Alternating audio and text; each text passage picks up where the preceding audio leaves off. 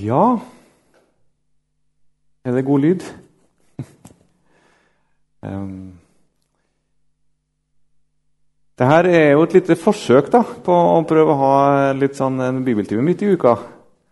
Så jeg var liksom forberedt på fem, jeg. Men det var jo mer enn fem. Så det var jo positivt. um. Og vi, snakker, vi, skal altså ha nå om 14 dager, også om nye Velkommen, Knut. Det går bra. Og om nye eh, fire uker. Um, det er en sånn klar sammenheng i det vi skal ha for oss. Kanskje føler at vi stopper litt brått etter to timer. Men sånn er det bare. Fortsettelsen kommer neste gang. så Hvis du føler på det, så får du tenke at ok, det kommer noe mer. Men det stopper litt brått. Og det er meninga, skal jeg si. De her timene er egentlig å regne som litt innledning, de to timene her, ehm, til eh, det vi skal nærme oss etter hvert. Så han som står her, er skrøpelig på mange måter. Så um, Det er godt om vi kan være bønn i fellesskap. Han som står her, er bare et, et rør, et tomt rør. Så det er Gud som må ta gjennom røret. Det er ett ord som har gitt meg litt sånn frimodighet. Vi, vi, sier jo at vi ikke I vår sammenheng så sier vi at vi ikke skal være opptatt av kraft. da.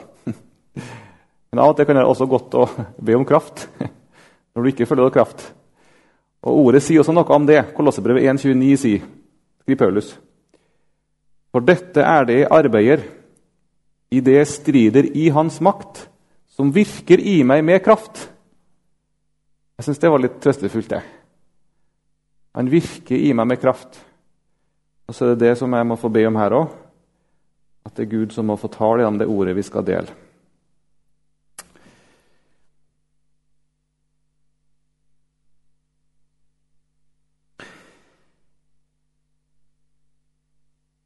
Temaet altså er eh, profeten Hosea. Under overskrifta 'Kjærlighetens profet'. Og under perspektivet 'Kjærlighetens Gud'. Jeg vet ikke hva du tenker om en sånn et perspektiv eller en vinkling. Kjærlighetens Gud. Eh, noen syns kanskje det høres vakkert ut, og noen syns kanskje det høres litt sånn pjatt, pjattete ut. Eller litt sånn søtt ut.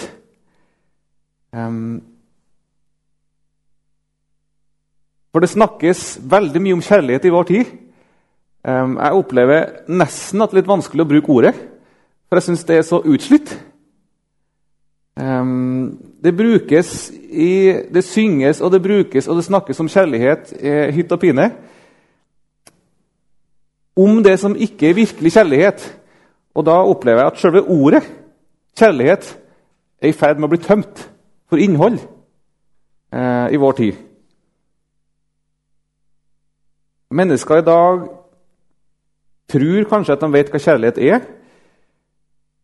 Eh, men jeg tror dessverre mange i vår tid er uten erfaring av sann mellommenneskelig kjærlighet. De har erfart noe som ligner på det, men som ikke er det. Um, og Derfor tror jeg altså det moderne mennesket har vanskelig for å elske og bli elska. Og det tror jeg er um, et av våre tids største problem. Um, I den vestlige verden, ikke minst, men kanskje ellers på kloden. da. Og Ut ifra det så vokser det også så mye andre ting. Vi høster så mye av det også i, skjer i samfunnet, av at mennesker har manglet erfaring av sann, virkelig kjærlighet. Og så tenker jeg også at vi som kristne da, eh, kan bli prega av det kjærlighetsløse samfunn. Det samfunnet som nettopp snakker så mye om kjærlighet. Men så står det jo i Guds ord at Gud er kjærlighet. Og det snakkes det for så vidt også mye om. Eh, men likevel så snakkes det sjelden om Guds kjærlighet på en slik måte at han virkelig eh, blir kjærlig. Men det står i Guds ord, og det er en evig sannhet, at Gud er virkelig kjærlighet. Han er opphavet til all sann kjærlighet. Derfor all sann mellommenneskelig kjærlighet har sitt utspring egentlig i Gud, i Guds vesen. Jeg ser for meg Gud er som en, som en vulkan, som en kjærlighetsvulkan, der det strømmer ut eh, kjærlighet. Og så strømmer det ut til oss her på jord, og alt vi erfarer av sann kjærlighet, er mellom foreldre og barn, mellom venner, eh, mellom ektefeller, eh, mellom søsken. Alt det har sitt utspring i den samme kilde, nemlig Gud. For hvor ellers kommer det fra? Selvfølgelig kommer all sann varme og kjærlighet mellom mennesker ifra den vulkanen som heter for Gud. Det er opplagt. Og han er ikke bare kilde til all sann kjærlighet. Nei, ordet sier altså at han er kjærlighet. Hele han er kjærlighet. Ikke bare halvt, men hele han. Han er kjærligheten med stor K. Han er kjærligheten i personifisert skikkelse, hvis det går an å bruke et sånt uttrykk. Hos han finnes ikke annen enn kjærlighet. Faktisk ikke annen enn kjærlighet. Hos Guds motpol, djevel, finnes ingen kjærlighet. Ikke en tøddel. Det finnes kun ondskap. Men og, og ingen medlidenhet, ingen tålmodighet. Men Gud er den rake motsetning. Her finnes ikke annet enn medlidenhet, barmhjertighet og kjærlighet. Ja, men eh, er ikke Gud hellig, da? Har vi ikke lært at Gud er hellig? Jo, men det er ikke det at han er halvt hellig og halvt kjærlig. Som om det er ulike sider hos Gud. Som om hans hellighet og vrede har noe med ondskap å gjøre. Nei, i sin hellighet er Gud kjærlig. Hans hellighet og kjærlighet er fra et slikt perspektiv ikke motsetninger. Men Gud er hellig fordi han er kjærlig. Hadde han ikke i sin grunn vært kjærlig, ville han heller ikke vært hellig. Djevelen er ond. Derfor finnes heller ingen hellighet hos han. Men fordi Gud er kjærlig, er han også hellig. Og fordi han er hellig, er han også kjærlig. Og Nå skal vi nærme oss Hoseas i bok ut fra dette perspektivet. Kjærlighetens Gud. Og Da berører vi også de dypeste strenger, tror jeg, i ditt og mitt liv. Men da berører vi også sentrum i Guds ord. Ja, sentrum i det innerste. Eh, sentrum i hele eksistensen, tror jeg. For vi nærmer oss sentrum i Guds hjerte.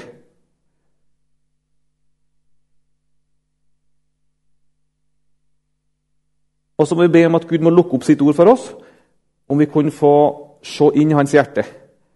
Om vi tåler å se litt inn i det lyset. Om vi makter å se inn i det i Guds hjerte.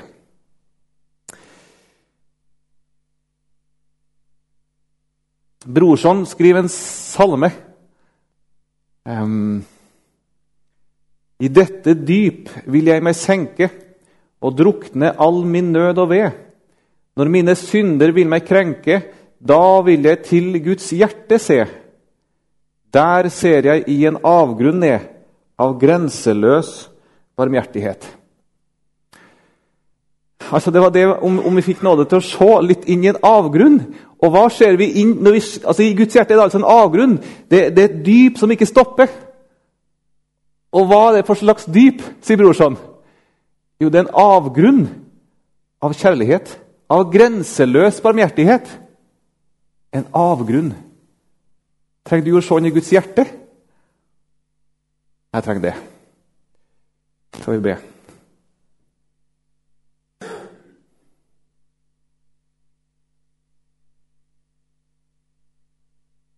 Herre himmelske Gud og Far. Her er vi samla. Noen enkle støvkorn, Herre. I møte med din veldighet så er vi som støvkorn. Og så er vi samla, Herre, for å lytte til ditt ord.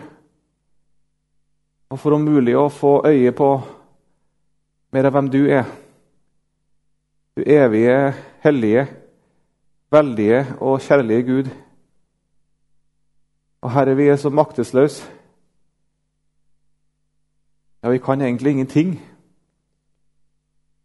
Men jeg ber deg, Herre Hellige Gud, om du kan vise oss den nåde igjen og lukke opp litt av hvem du er, Herre. Herre, jeg ber, kom du til oss med din ånd. Godt å tenke, tale, høre.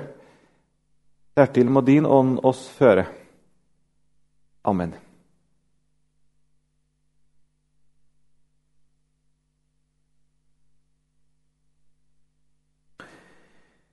Vi skal altså til, til Det gamle testamentet. Um, og det er kanskje um, sjelden kanskje vi, vi, bruker litt tid der, men jeg tror vi skulle gjøre det kanskje mer enn hva vi gjør. Uh, for i Gamle testamentet så er det egentlig det samme budskapet vi finner som i Nye testamentet. Det er om Kristus det egentlig er.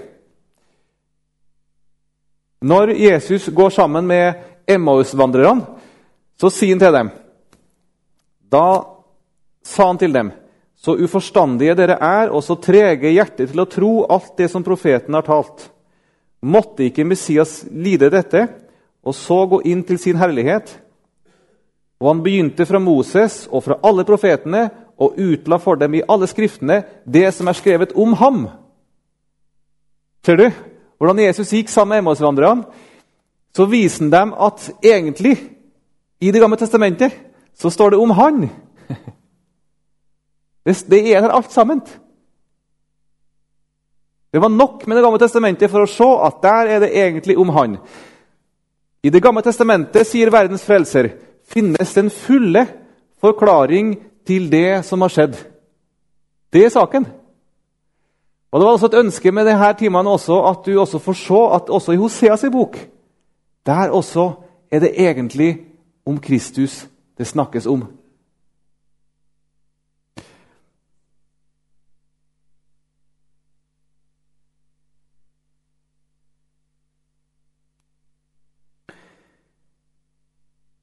Et lite sitat til fra Hugo Odeberg. Det nye testamentet forutsetter at Det gamle testamentet både leses og ransakes grundig. Det gamle testamentet er med i det nye på en slik måte at en må forstå at et grundig kjennskap til det gamle er en nødvendig forutsetning for å forstå Det nye testamentets rikdommer. Det nye og det gamle det, det, det henger nøye sammen. Det gamle kaster lys over det nye, og det nye kaster lys, det nye kaster lys over det gamle. Det håper jeg også at vi skal få erfare og få se noe av.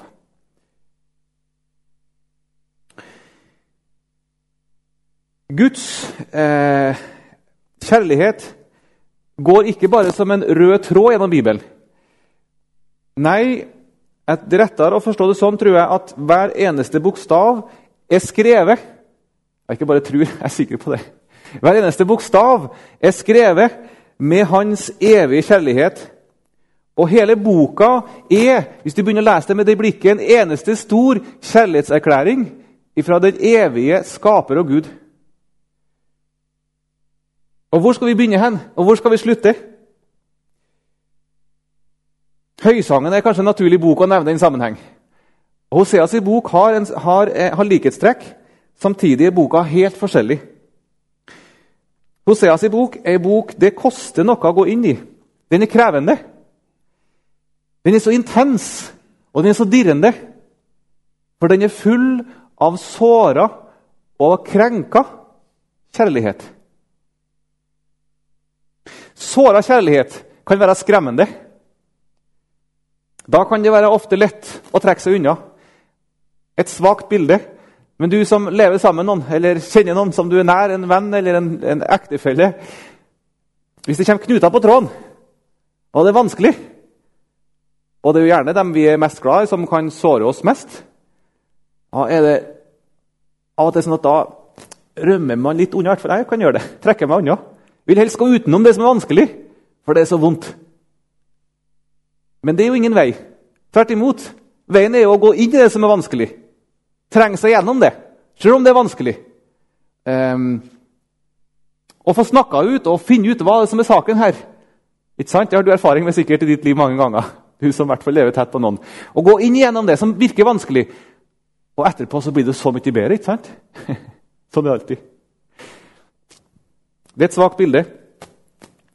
Men likevel så er det, er det noe med det her at når Gud her er den store Gud, den evige Gud, den hellige Gud, som er såra og som er krenka på dypet. Og det, Da kjenner jeg at da ønsker jeg egentlig å gå utenom. Det er for stort, det er for vanskelig. Men ikke gjør det.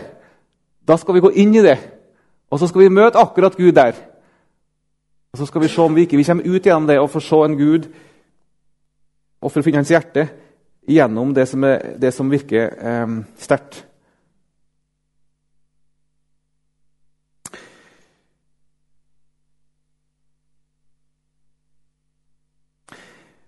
Um, Hoseas i bok er den første av de såkalte eh, små profetene. Det er altså tolv små profeter. Eh, fire store, som vi sier, Isaiah, Jeremia, Daniel, og Esekiel, og tolv såkalte små. De er ikke små fordi de er ubetydelige. Tvert imot. Men kanskje fordi de er uh, ikke så store i lengde. Hosea er ikke, ikke det lengste av de tolv, og heller ikke den eldste. Eh, likevel så plasserte de gamle jødene de plasserte denne boka først av de tolv små profetene. Når de i mellom år 200 og 400 før Kristus satte opp rekkefølgen som vi i dag har. Og De satte den altså først av de tolv. Og det sier nok noe om hvordan de vurderte Hosea-boka. I knapt noe bok kommer spenninga mellom Guds hellighet og Guds kjærlighet klarere frem. Ja, neppe noen bok er så eh, intens, emosjonelt, så fylt, så dirrende som Hosea-boka. Hosea virka i Nordriket Israel.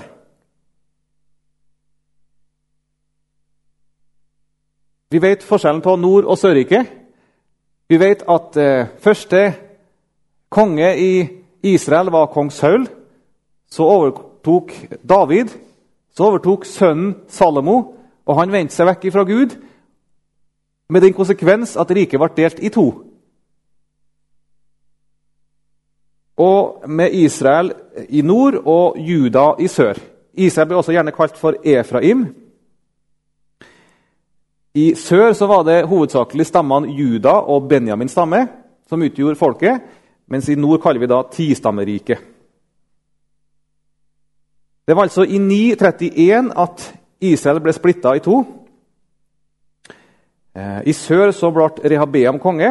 Jerusalem var hovedstad, og i nord så ble Jeroboam den første konge, med Samaria som hovedstad.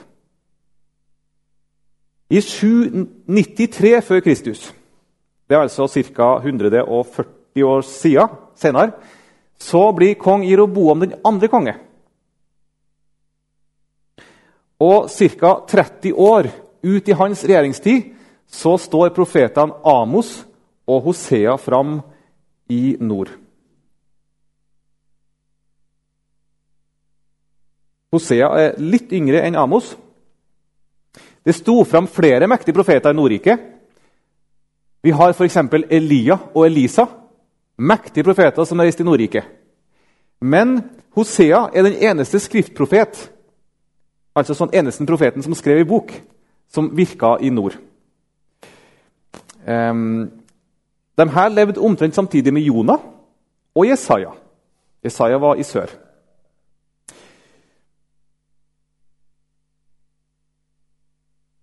når Hosea sto fram i nord, så var Jesaja en ung mann um, og sto fram da litt senere.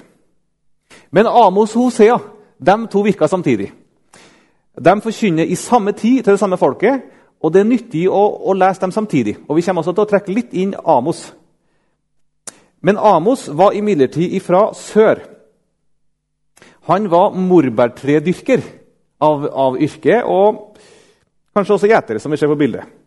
Han reiste trolig ofte nord, nordover for å selge eh, sine varer. Um, og når han er i nord, så ser han ugudeligheten. For Nordriket Israel gikk det verre med enn Sørriket Juda. Det var bedre stand i, i, i sør, men i, Juda, men i nord var det forfall. Og Så er Amos oppover, og så han, ser han ugudeligheten. Og så får han en dag en kall til å være profet.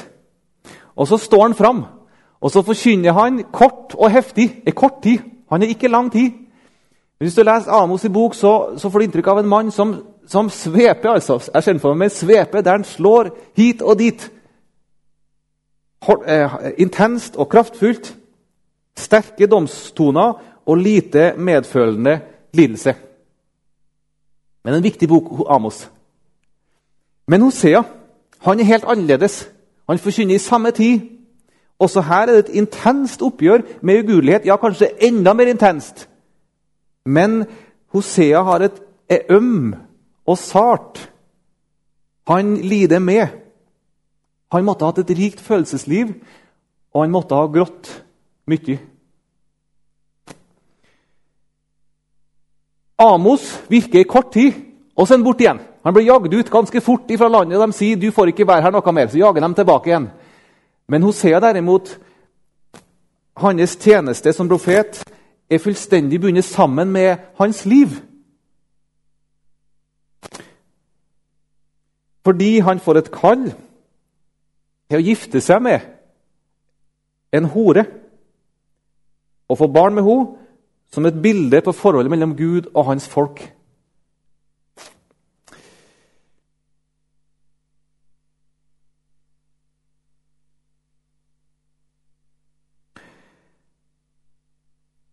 Bare litt enkle bilder av hvordan eh, kirkehistorien har framstilt eh, Hosea. Alltid med en ektefelle eller med barn. En litt nyere variant.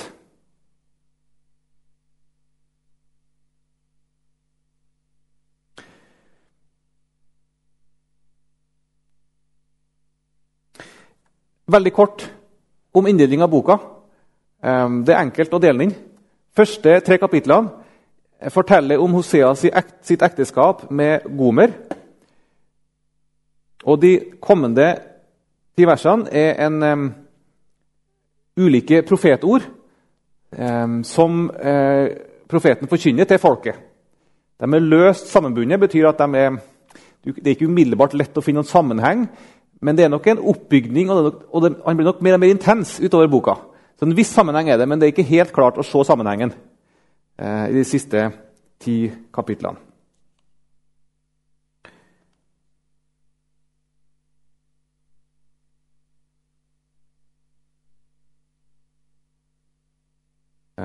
Da ser jeg faktisk at jeg bare har brukt 20 minutter, så det er jo fint. Da går vi faktisk på neste time med samme. Vi kan ikke ha pause ennå, kan vi det? Jeg tror jeg har brukt mer tid, men Ja, unnskyld, Berit, jeg. Hvor mange har lyst på kaffe? Én, to, tre Ja, det, du teller du, Berit.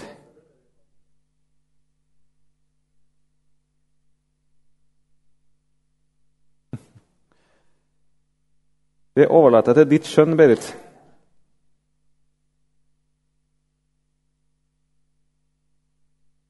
Jeg ble litt usikker på hvor jeg skulle ta neste pause, nå, men jeg får nå se nå hvor lang tid vi holder på. Så vi får en god inndeling her. In, ja.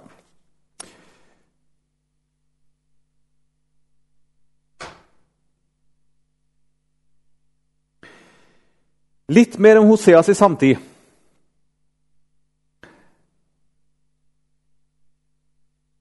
Vi kaller det vi ser på skjermen nå, kaller vi for den fruktbare halvmåne. Det dere ser farga her. Ehm, er, den fruktbare halvmåne er, er ehm, området um, fra um, de to elvene som nå er Irak, og oppover og langs eh, Middelhavet og nedover Egypt og Nilen.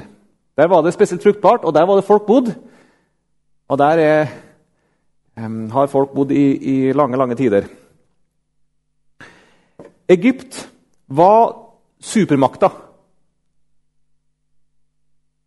Men så på denne tida vi nå er i, så var det en ny supermakt som holdt på å vokse fram. Og det er det asyriske riket. Det som er farga her i rødt. Og Forholdet til den supermakta spiller en vesentlig rolle i alle profetbøkene i denne tida. Leser du Jesajas bok, for eksempel, så ser du ofte at det er spenningen her med trusselen fra Syria som spiller inn i, i det som foregår, og i profetene sitt budskap. Og Israel og Juda forsøker under ulike konger de kommende hundreårene å balansere imellom Egypt og Syria. Og I møte med en voksende trussel fra øst så søker de allianse med Syria, farga i brunt. Så prøver de å få med seg Egypt imot Asyria. Men det som skjer, er jo da at de blir underlagt eh, Asyria. At Israels forsøk da, på å skaffe seg allianser eh, det spiller fallitt. Og Asyria tar riket, og de blir nødt til å betale skatt.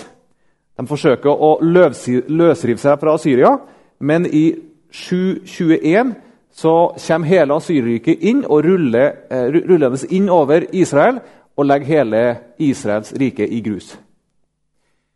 Men det er litt senere i historien. Men på denne tida som Hosea står fram, så er Israel og Juda sterke nasjoner.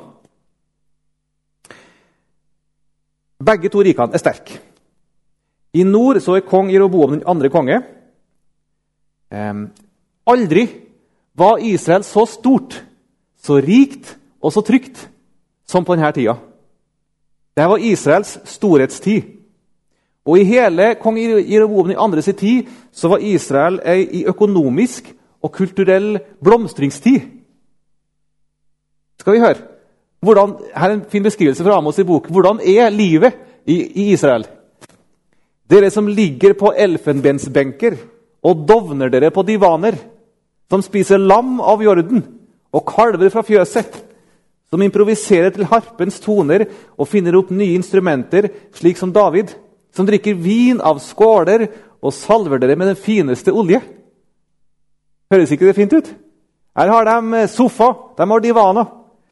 De spiser god mat og rikt kulturelt liv. De lager instrumenter og improviserer og drikker vin av fine skåler og har fine kremmer. Dette er velstand.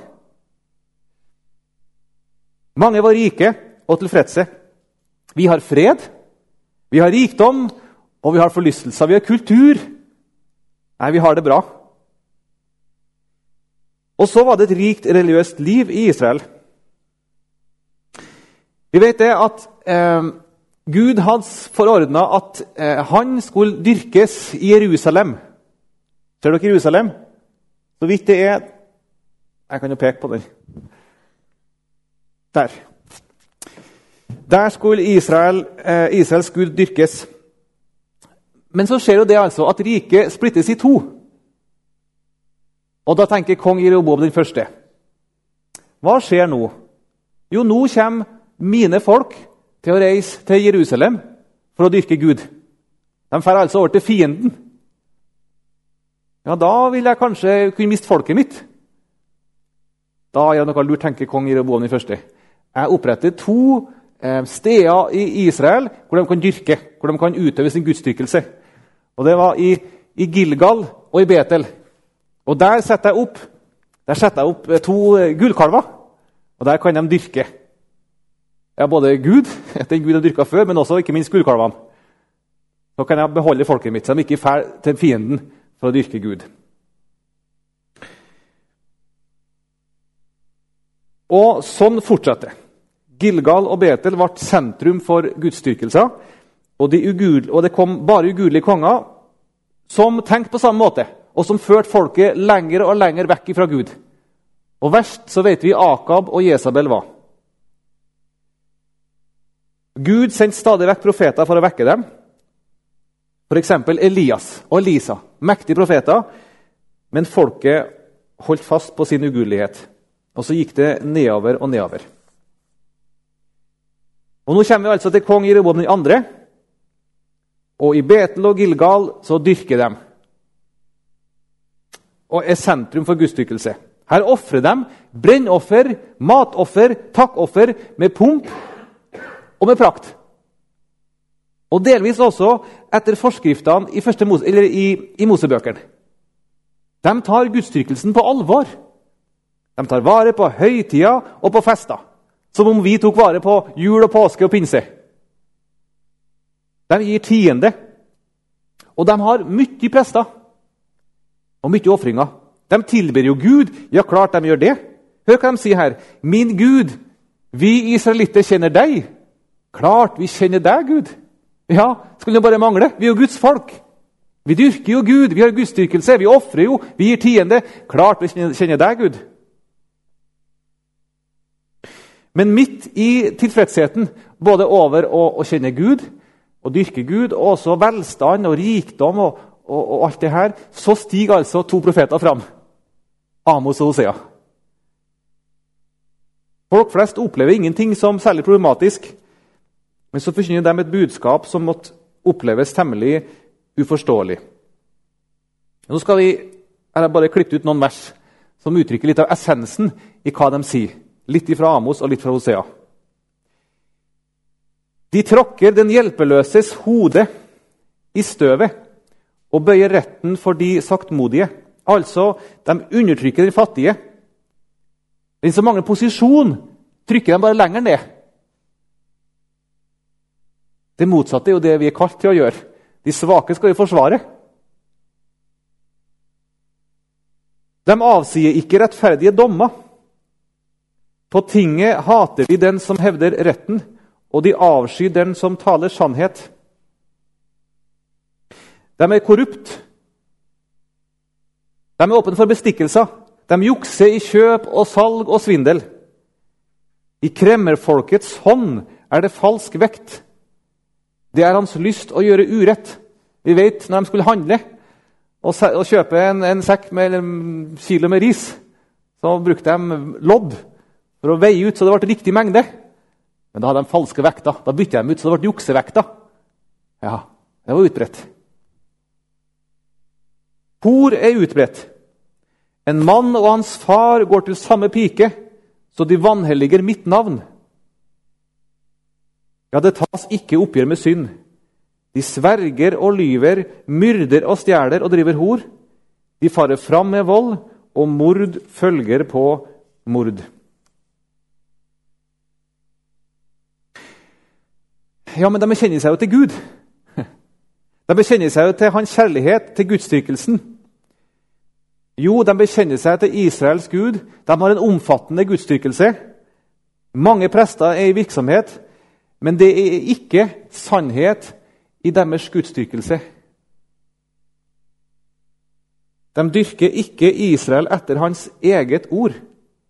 For det første så var gudsdyrkelsen ikke forordna i Betel, men i Jerusalem. Og For det andre så blander de gudsdyrkelse, sann gudsdyrkelse med avgudsdyrkelse i en stor suppe.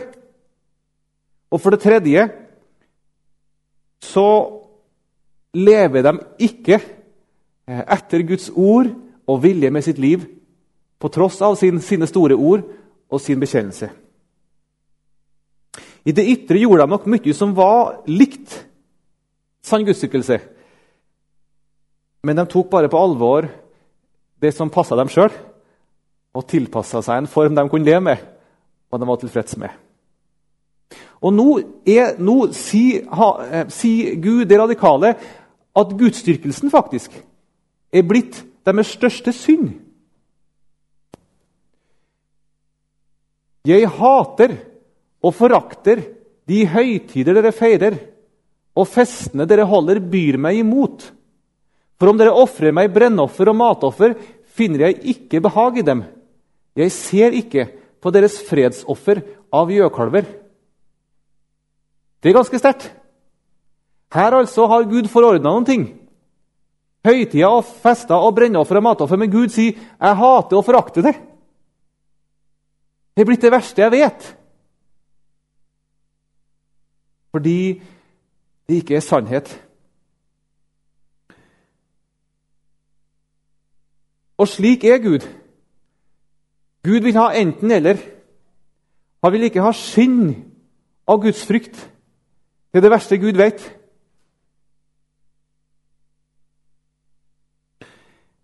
Jesus sier i Åpenbaringa 3.: Jeg vet om dine gjerninger, at du verken er kald eller varm. Det hadde vært godt om du var kald eller varm, men fordi du er lunken og verken kald eller varm, vil jeg spy deg ut av min munn.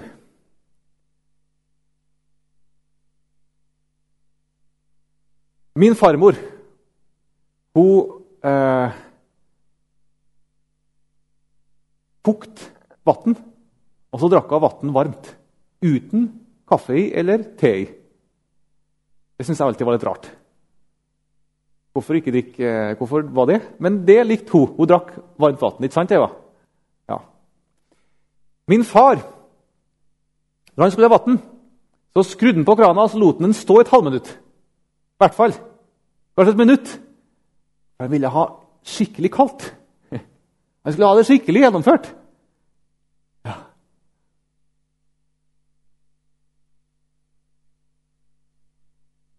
Jeg vet om dine gjerninger, at du verken er kald eller varm. Det hadde vært godt om du var kald eller varm, men fordi du er lunken og verken kald eller varm, vil jeg spy deg ut av min munn.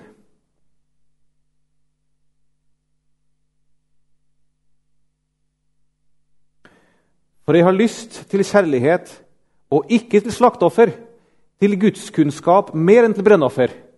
Det Gud er ute etter, det er ikke offer, det er ikke, det er ikke en ytre gudstrykkelse. Nei, det er kjærlighet. Det er kjærlighet Ja, det er kjærlighet ifra oss, og det er gudskunnskap ifra oss. Det er varme ute etter, ikke lunkenhet. Er det lunkenhet, så det bedre med kulde, sier Jesus. Lunkenhet er det verste han vet. Gud sier altså det hjelper ikke med bekjennelse, med ritualer, med høytider, hvis det er uten et sant ønske og, ville, eh, og vilje om å ville dyrke Gud. Hvis ikke det er sannhet, hva hjelper vel ytre fromhet, kristelige ord, handlinger, gjerninger? Og hva er årsaken til den tilstand som de er i, folket? Mitt folk går til grunne fordi de ikke har kunnskap. Mitt folk går til grunne fordi de ikke har kunnskap. De har ikke kunnskap om kjærlighet, om sannhet. De har ikke kunnskap. Hører du hvor viktig kunnskapen er? At folk ikke får kunnskap, så går det til grunne. Og midt i det her så påberoper de seg altså Gud og hans kjærlighet. Ja, Gud er kjærlig, men Gud tåler ikke at hans kjærlighet blir brukt til å dekke over synd, eller for å gi det et skinn av rettferdighet og fromhet.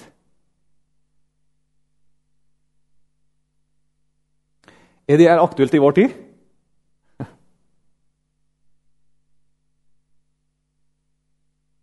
Vi påberoper oss Guds kjærlighet. Gud er veldig, Gud er kjærlig. Men hvis vi bruker Guds kjærlighet og Guds nåde og Guds vennlighet til å dekke over synd Eller for å gi synd et skinn av rettferdighet og fromhet Det tåler ikke Gud. Det er det verste Gud vet. Vi bruker det mest dyrebare, nemlig hans kjærlighet og nåde, til å dekke over og skjule.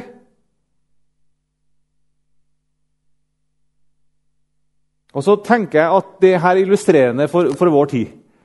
Eh, hvordan, hvordan, Guds kjærlighet blir brukt som brekkstang, også midt inn i kristenheten, til å føre inn det som er stikk imot Guds ord og Guds vilje. Det er så aktuelt, det her. skremmende aktuelt om tida vi lever i. Og Samtidig så skal vi ikke bare se tror jeg, på tida vi lever i og kristenheten rundt oss, men jeg tror vi alle står i fare. For trangen er planta i vårt hjerte. At vi egentlig vil helst vil gjøre som vi sjøl vil, og så at Gud skal sette sitt stempel på det. Hva hjelper vel alle kristelige ytringsformer dersom hjertet henger fast ved denne verden? Hva hjelper vel alle kristelige ytringsformer hvis hjertet ditt henger fast ved verden? Ofrene og gudstjenestene ble en makelig erstatning for den personlige hengivelse. Er det fare i ditt liv? Ja, det er greit å gå på møte og, og lese litt i Bibelen og, og be i bønn og, og være from. Men hvis det blir en makelig erstatning for å gi hele deg til Herren Da blir det frommeste, det ytre, det mest fromme, det kan bli din største fare. Hvis du bruker det som en makelig erstatning for å gi deg helt med alt det du hele din vilje, og la Han få være herre i ditt liv, hele det Her er vi i fare, er vi ikke?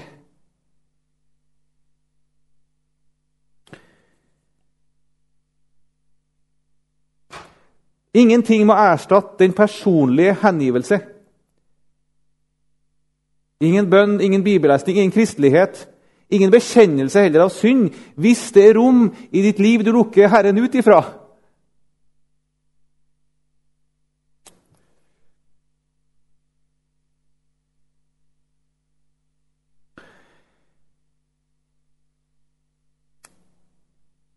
Jeg tror vi skal stoppe det.